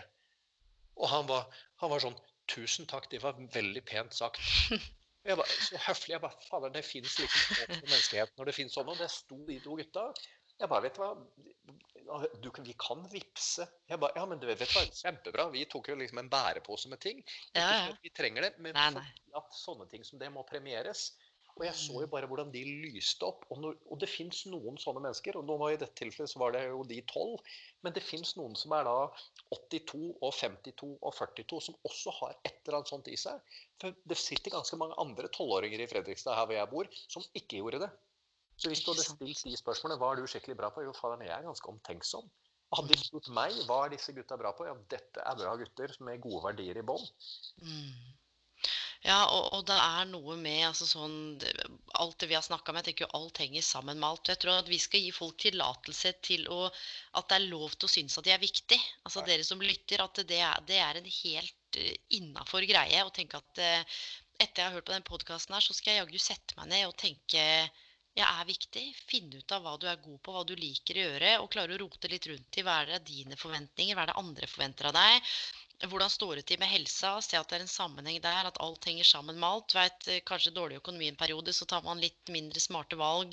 Eh, Ikke nødvendigvis eh, på kjøpemat, men fordi du vet, man er frustrert der, og så går det utover kostholdet, så går kostholdet utover treningen, så går treninga utover forhold. Du vet at alt henger sammen med alt. Mm, mm. Trening kan ikke ses på som isolert. Karriere kan ikke ses på som isolert. Lederskap, det å være pappa kan ikke ses på som isolert, for det er jo så mye som påvirker oss.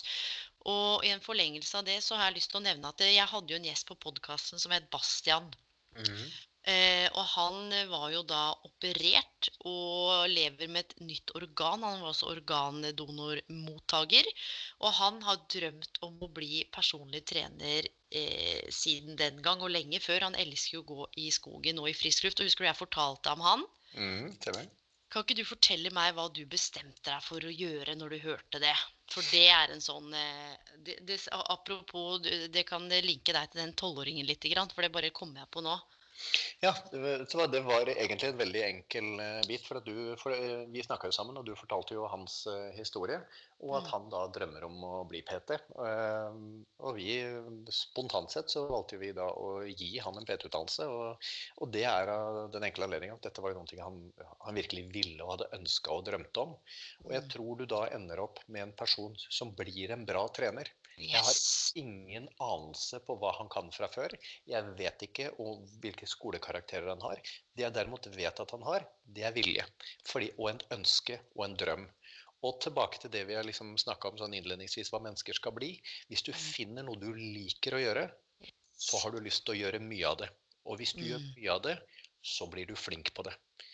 Og det tror jeg er da blir da tilfellet med, med Bastian. tilfellet her, En person som da sier dette har jeg drømt om å gjøre, og får muligheten. Han har så lyst, og legger nå det bitte lille ekstra, selv om han for alt jeg vet kanskje ikke har alle skolekarakterer på stell som gjør at han har gjort det kjempebra. Det vet jeg ikke. Men det jeg vet, er at med den interessen i bånn, så kan mm. du lære hva som helst. Og det ja, og det... trening òg. Det er jo akkurat ja. det samme. og det kan jeg skrive under på. Han sleit jo på skolen, og dette, jeg hadde en episode med han. Han hadde heftig med dysleksi, og skjønner du, det var eh, folk som ikke trodde på han, og det var mobbing, og det var tøffe, tøffe skoleår. Um, og det å sette seg på skolebenken nå i voksen alder med dysleksi og, og den utdanningen er jo fantastisk bra og omfattende på en god måte. Man skal jo kunne, Det er jo ikke bare, det ikke bare én liten ting man skal kunne. Den utdannelsen dekker jo ganske mye. Ja, og For en person med dysleksi så skal du nå begynne å lære et nytt språk. Du skal liksom begynne å lese latin ja. til dels. Det er klart at det, Apropos liksom å legge lista høyt. Men tilbake til liksom det om å og når man vil, så gjør man det som skal til. Og Det samme er det med trening. Jeg fikk et spørsmål for lenge siden om hva er ditt beste treningstips. Og det er akkurat samme. Finn noe du liker å gjøre. For hvis du liker å gjøre det, så kommer du til å gjøre det mange ganger. Og det er det du må gjøre. Du må finne noe du liker å være i aktivitet med. For da kommer du automatisk til å gjøre det. Skal du studere noe, finn et eller annet du liker. For da kommer du til å gjøre mye av det. Da blir du flink på det. Og det bringer meg jo over til alle de spørsmålene, Espen. Vi hadde over 390 spørsmål som kom inn på under ett døgn. Kult. Hello! Og litt i tråd med det du snakker om nå, for jeg tror at veldig mange sammenligner seg med alle andre, både på trening og karriere. Og det kan være en inspirasjon, men det kan også være utrolig tøft. av det en som skriver Hei, jeg har kommet i gang å trene, og jeg har trent en stund, men jeg sammenligner meg hele tiden med alle andre og føler meg aldri bra nok. Er det noe du har kjent på noen gang? Og hva er det jeg kan gjøre for å uh, altså Hun sa det, jeg, jeg ser på treningssenter til høyre og til venstre, er det noen som er sterkere, fittere, smart altså uansett hva jeg gjør, så føler jeg aldri at jeg når opp. Så for det første så er spørsmålet har du noen gang kjent på det? Nettopp fordi du, så skriver hun videre at du har grunnlagt FPT, alt virker liksom der på stell, familie og kone. Eh, har du kjent på det på en måte å hele tiden se til andre? Å oh, ja. Og det, er, ja, og det er det er innmari interessant at det er det første spørsmålet. fordi at det tok meg egentlig 40 år å forstå eh, hvor viktig det Eller hvor mye jeg har vært påvirka av det. Og jeg, fikk, jeg har jo fått spørsmålet i alle år Jeg, jeg driver jo primært med styrketrening, for det er det jeg syns er gøy. Og så syns jo mm. folk flest synes jo jeg er en idiot som syns at det er gøy. Men det får så være. Og så har jeg fått spørsmålet hvorfor syns du det er gøy? Og jeg har ikke kunnet svare. Eh, og så har jeg vært så jeg, vet, jeg har ikke noe godt svar til det. Og så har jeg jo grubla på flere spørsmål har jo kommet gang på gang på gang på gang gjennom mange mange år. Og plutselig en dag så tar jeg med det i å åpne en Instagram. Så litt eh, heder og ære til sosiale medier. Så åpner jeg da Instagram, og så ser jeg da scroller jeg gjennom alle disse som jeg da følger, som da er mennesker som er penere, sterkere, rikere, kjører finere biler osv. osv. osv uansett For jeg følger jo da de menneskene som jeg ser litt sånn opp til, som jeg syns har etter Og det kunne jeg godt tenke meg å ha også. Og der og da så slo det meg at årsaken til at jeg har syntes at styrketrening har vært så gøy å gjøre, er at det er min verden. Jeg kan kontrollere den verden. Fordi jeg kan velge om jeg løfter hantlene som står seks kilo på, eller syv kilo på jeg kan da velge å ta åtte repetisjoner eller ni kilo. Og så for min del så plutselig så fant jeg ut at dette er jo en verden som jeg har kontroll på. Mm. Og konstant så kan jeg jo også se at jeg blir bedre. Fordi at på mandag så løfta jeg de som det sto seks på, og denne dagen så løfter jeg det som det sto åtte på. Så jeg har blitt bedre. Så det tok meg fryktelig lang tid å forstå hvor påvirka jeg har blitt til det, men jeg la ikke merke det til før jeg da åpna sosiale medieprofilen min og sa at oi, i all verden, ja, men dette er jo greia. Og det tror jeg er den store utfordringen i dag for alle som vi i dag presenteres for. Mm. Det som legges ut på sosiale medier, det som gjøres, det er nettopp det andre vil at vi skal se. Det er ikke det korrekte. Det er ikke den der, vet du hva Åpne opp, nå kanskje med unntak av denne påskeferien her, men åpne opp alle andre ferier, så er livet er strålende. Jeg er på Hafjell, det er strålende sol osv. Det står ikke noe sted. Og så krangla jeg med kjerringa på morgenen i dag. Eller gubben var dritsur. Eller jeg Ungene mine er knapt så jeg liker dem. Det får mm. vi ikke, men du får dette solskinnsbildet med øl i solveggen. Og du får bare se de kule tingene som andre tror vi har lyst til å se. Og så tror jeg at andres verden er sånn, da. Og det mm. er jo liksom den kjempestore utfordringen. Så det er kjempeenkelt. Mind your own business. Det er liksom Se til at de tingene du gjør, det er noen ting som du blir bedre på konstant. Og blås i hva alle andre driver med. Fordi at du kan ikke kontrollere verden rundt deg. Du kan bare kontrollere din egen verden. Mm. Og det er et godt utgangspunkt, også i tråd med det vi snakka om kritisk tenkning her. Ja. Sant? Ok, er du klar for neste? Selvsagt. Espen Arntzen står utropstegn. Hva annet skulle du ha gjort, eller kunne du ha jobbet med om du ikke holdt på i denne bransjen her, eller gjorde det du gjorde nå? Åh, jeg hadde håpa det spørsmålet ikke kom. Vet du hva, Det er en veldig enkel ting. Jeg kan, jeg kan ingenting annet. Jeg har gjort dette hele livet. Eh, jeg kan knapt kjøre bil, og nå fleiper jeg ikke engang. Eh, det er bra det har kommet Teslaer, da, så du kan bare sette deg inn. Vet du hva, det, Nå har jeg en kone som eh, kjører en Tesla, og hun lar meg nesten ikke låne den, for hver gang jeg kjører den, så dulter jeg borti et eller annet. Men det jeg har virkelig virkelig funnet den ene tingen som jeg kunne tenke meg å jobbe med. Jeg har alltid vært opptatt av, siden jeg da var den personen som ikke fikk til noen ting som helst, foruten at jeg var flink til å lære, så jeg har vært opptatt av hva er det som får mennesker til å ta de valgene de gjør, og hvordan kan man få de til å ta bedre valg. Og det starta jo selvfølgelig med meg, eh, men jeg er egentlig bare flink på det jeg driver med i dag. Eh, fordi at jeg har gjort veldig veldig mye av det og er dårlig på det aller meste andre, fordi at jeg har ikke gjort mye av det. Og jeg vet faktisk ikke hva jeg skulle gjort hvis jeg skulle gjort noe. Det måtte... Du har ikke tenkt på den andre retningen liksom noen ja. gang? Tenkt sånn nå er jeg så jævla lei at det nå bare Skjønner du? Ja, hvis det er noe jeg skal eller som jeg hadde gjort hvis noen hadde sagt fra noen om du stryker ut alt du har gjort, ja. hva hadde jeg begynt å gjøre i dag da? Da ja. hadde jeg begynt å jobbe med barn. Eh, okay. barn som trenger, eh, forhåpentligvis, riktig veiledning i livet eh, og bidra sånn at de tar bedre valg.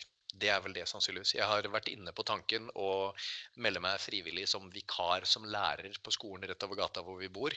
Fordi jeg syns det er så utrolig stas å få lov til å påvirke mennesker i positiv retning. Og det er vel en av årsakene også til at jeg, kombinert med at jeg syns trening er så interessant, at jeg mm. syns det å være i AFP AFPT er så moro, fordi at de menneskene vi støter på der, det er mm. mennesker som virkelig vil, og vi gjør en forskjell. For mennesker får lov til å ta et nytt karrierevalg og gjør egentlig ting som vi, de vanligvis kanskje ikke hadde turt, og vi får lov til å være en del av den prosessen. Så jeg hadde, hadde vært i noe som påvirker mennesker, eh, slik at de da kunne lære seg å ta bedre valg. Ja, og det er litt interessant, for nå har du vært i bransjen lenge. Og da er det spørsmål som kommer. Står hei, jobber med trening, jobber som PT, gjør en del andre ting. Hvor er bransjen på vei? Om, og, nå, altså Én ting er koronaen, men eh, om folkehelse Hvordan ser bransjen ut om fem år? Er det treningssentre? Skriver hun. Er det, foregår alt online? Hva, hva, hva, har du noen tanker om hvor bransjen er på vei? Ja, det, jeg tror at vi har en eh, Vi som er i treningsbransjen, vi tror at vi er ekstremt livsviktige, og det er vi ikke. Eh, vi er et luksusgode. Så det å på, betale mange hundre kroner i måneden for å gå på et treningssenter, det gjør vi fordi vi har muligheten til det. Eh, så jeg tror at ja, det kommer til å være treningssenter selvfølgelig om fem år. Jeg tror det kommer til å være basert på korona som har vært nå, så tror jeg det kommer til å være færre aktører. Så jeg ja. tror ikke det kommer til å være så mange aktører lenger. Jeg tror dessverre en del kommer til å falle fra, som ikke klarer å holde hodet over vann gjennom den perioden her. Så jeg tror det kommer til å være færre aktører. Ikke nødvendigvis færre treningssentre, men færre individuelle aktører. Så jeg tror det blir mer og mer da kjede- eller, eller samarbeidsløsninger.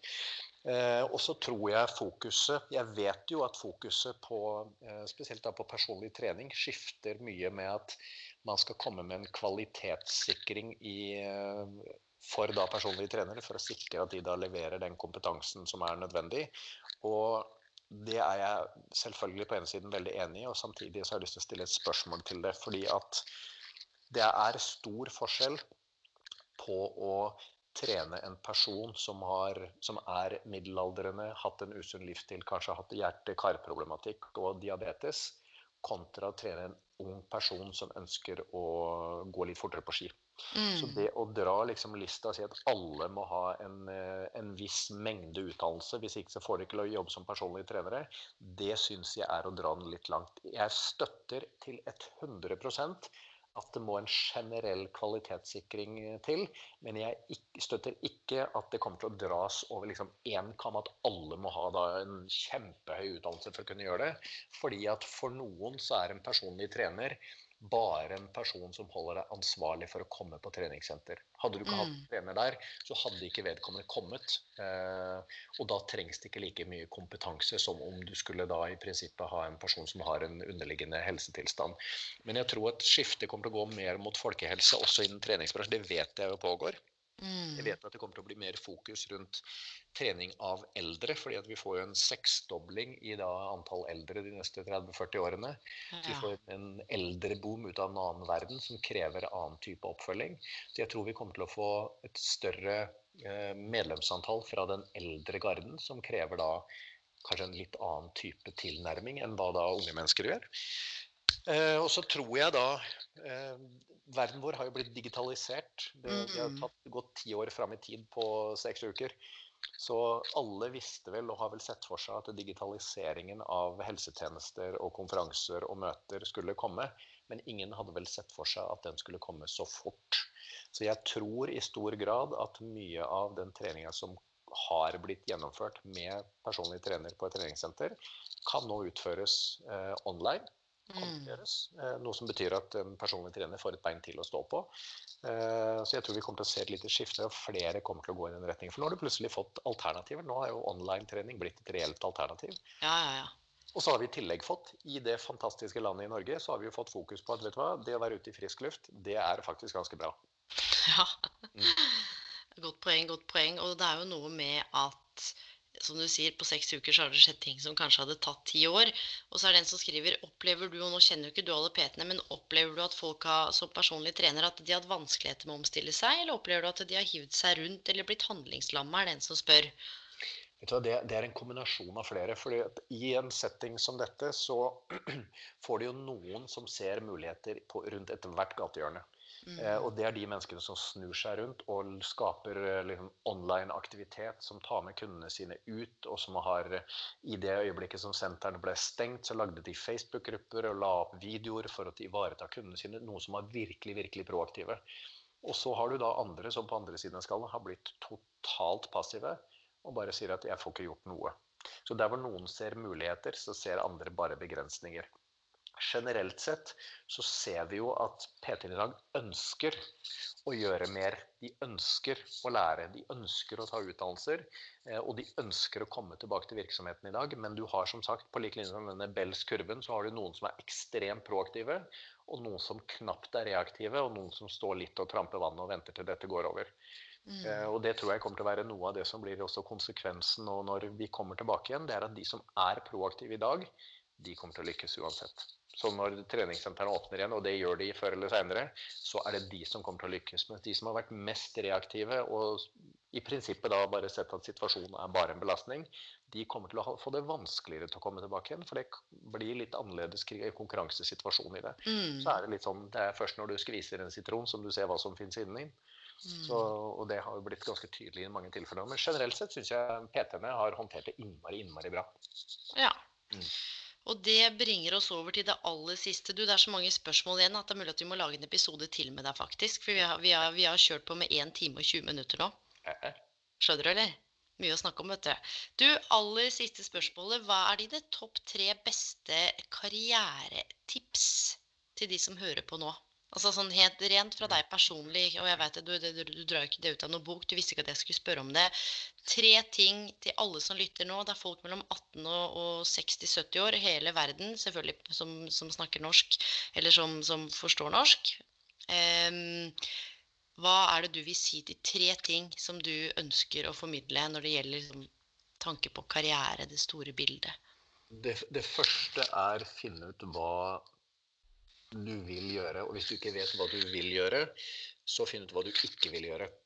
Og av de tingene som er igjen, stille seg spørsmål hva syns jeg er moro. At hvis du finner noe på like linje som jeg snakka om trening og karriere, hvis du finner noe du syns er gøy, selv om du ikke kan noen ting som helst om det i dag, og det ser ut som det er en veldig bratt kurve og det er et stort fjell, hvis du syns det er gøy, så kommer du til å legge ned jobben. Og når du legger ned jobben, så kommer du til å bli flink på det. Og da er det Jeg er så heldig og kan si at jeg har ingen jobb. Jeg har en hobby som er betalt. Og det er et kjempeprivilegium. For jeg var heldig i ung alder å finne noe som jeg virkelig syns var gøy. Og det har gjort det veldig lett for meg å studere og gjøre de tingene som skal til. For jeg syns bare det er moro. Det har aldri vært en eneste dag som jeg syns at åh, må jeg opp og lese og studere. Det gjør jeg frivillig i dag, til min kones store frustrasjon. Så nummer én, finn noe som du syns er gøy å drive med. Og gjør du det, hvis det da ikke fins noen ting i akkurat det i dag som er en, en jobb, som er liksom definert jobb, lag en jobb ut av det. Og det finnes. Vi bor i en verden i dag som er Det fins muligheter overalt. Og det er jo noen hundre år siden de trodde at alt som noensinne skulle finnes opp, det var funnet opp. Men i dag, hvis du finner noe du vil gjøre, hvordan kan du gjøre det til din karriere? Og velg riktige mennesker rundt deg. Når jeg mener med riktige, så mener jeg mennesker som ikke alltid er lik deg, men som stiller eh, de riktige spørsmålene, og som utfordrer de ideene du har. Og det betyr våg å tiltrekkes til miljøer der hvor du ikke alltid har rett, og der hvor du ikke alltid er den smarteste. Og så er den siste, det er litt sånn fjellvettreglene, det er alltid lov å snu.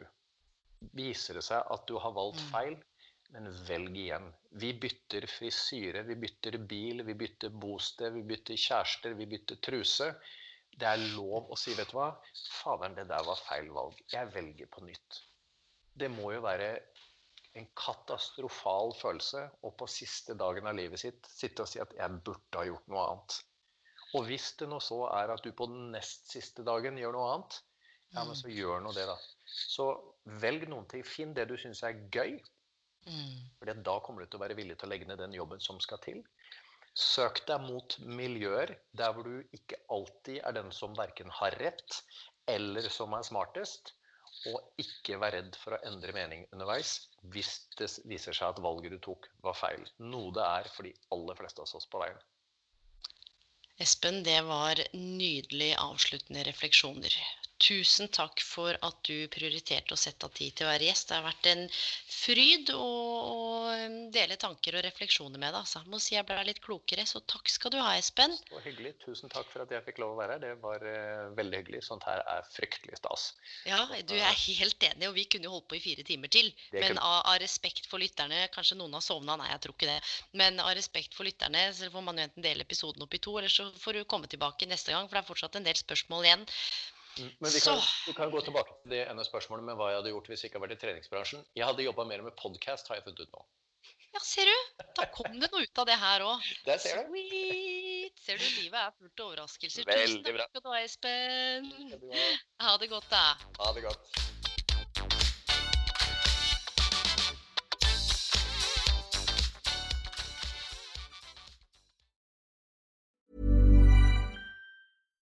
My business used to be weighed down by the complexities of in person payments.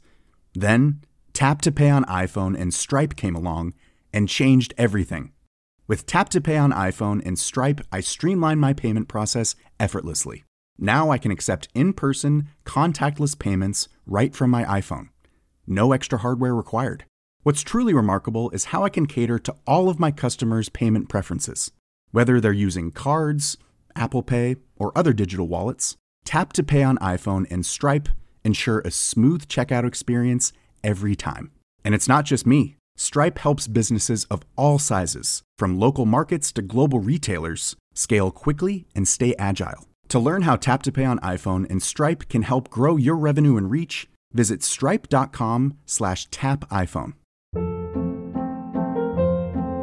Hold up. What was that? Boring. No flavor. That was as bad as those leftovers you ate all week. Kiki Palmer here, and it's time to say hello to something fresh and guilt-free. Hello Fresh. Jazz up dinner with pecan-crusted chicken or garlic butter shrimp scampi. Now that's music to my mouth. Hello Fresh. Let's get this dinner party started. Discover all the delicious possibilities at hellofresh.com.